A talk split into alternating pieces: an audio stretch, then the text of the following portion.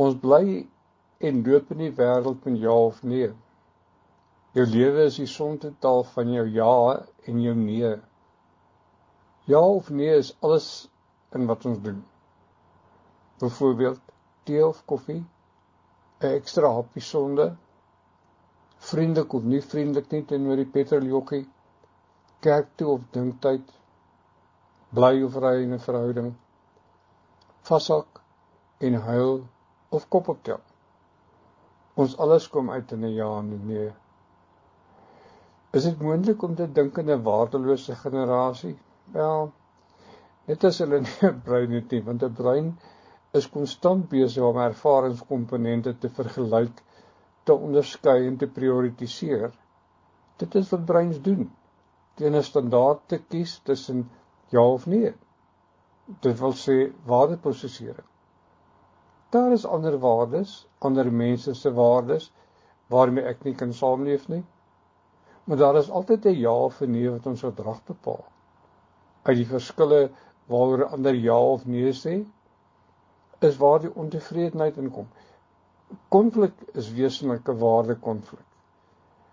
Ai die verskille. Dit is hoe waardes werk. Daar waar waardes is, daar word ons ja of nee gebore. Die vraag is is daar eenstel reëls vir ja of nee? As dit tog so maklik was. Kom ons vat Livius. Liever pa, liever ma, vir sussie, my eerste liefde, vir Nina die hond, vir Malva pudding. Elkeen het 'n toepaslike ja of nee vir ons moet dit gaan besig wees as smaak belangriker is as 'n gesonde leefstyl byvoorbeeld, dan is 'n groot porsie maal van nagereg 'n ja. Waar die nee net eenvoudig moes gewees het, sê ons dan ja. Toepaslik om mee te leef met die gevolge van my ja of nee? Dis die groot vraag. Is dit nie die gevolge is nie net in die wêreld nie, maar hoe ek die gevolge van my ja of nee binnekant ervaar.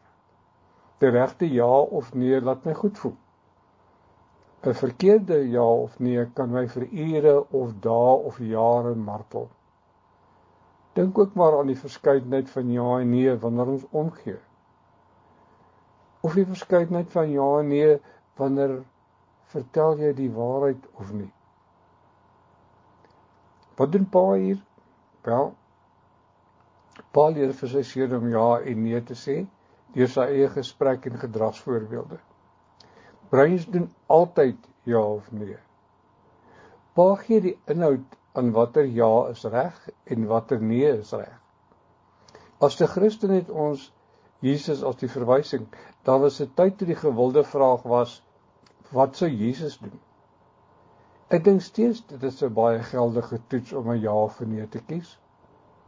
Toe ek op 'n keer vir my vriend Bill Price vra, hoe lyk lief vir Jesus en elke dag se lewe. Toe sê hy vir my: "Jy gesels en doen iets en jy kyk op en daar staan Jesus.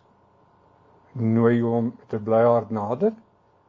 Op jy van skaamte en wens hy wil kom as jy reg is vir hom. Die regte of die nou pad, nou ja, dis nou dis nou 'n tamaletjie, maar dit dit is vir soms soos die paaie in die Karoo. Jou oë en jou hart sien ver tot deur in die einde mense in hulle breins weet. Onkunde is nie die probleem nie. Die botsende waardes is die ongeluk. Een stel van hoe mens ja of nee sê vir die huis. Natuurlik die ander stel te doen met ja of nee saam met vriende. Bykans elkeen van die wêreld waarin ons beweeg, of elkeen van die wêrelde waarin ons beweeg, het hulle eie reëls vir aanvaarbare ja of nee. Hoe kan 'n pa weet van sy seun se waardes? Wel, daar's 'n paar vrae wat eenvoudig is om sonder gesels gesels gevra kan word. Ek kom vir jou vyf vrae gee, maar die vrae is eintlik plaasvervangers van mekaar en dit doen dieselfde werk. Een voorvereiste vir hierdie soort van kuier is dat die onderwerp waaroor gesels word baie duidelik gedefinieer moet word en ooreengekom word. Byvoorbeeld, sê nou maar dit gaan oor jou seun se verhouding met sy meisie. Spesifiek hulle toenemende seksuele kontak.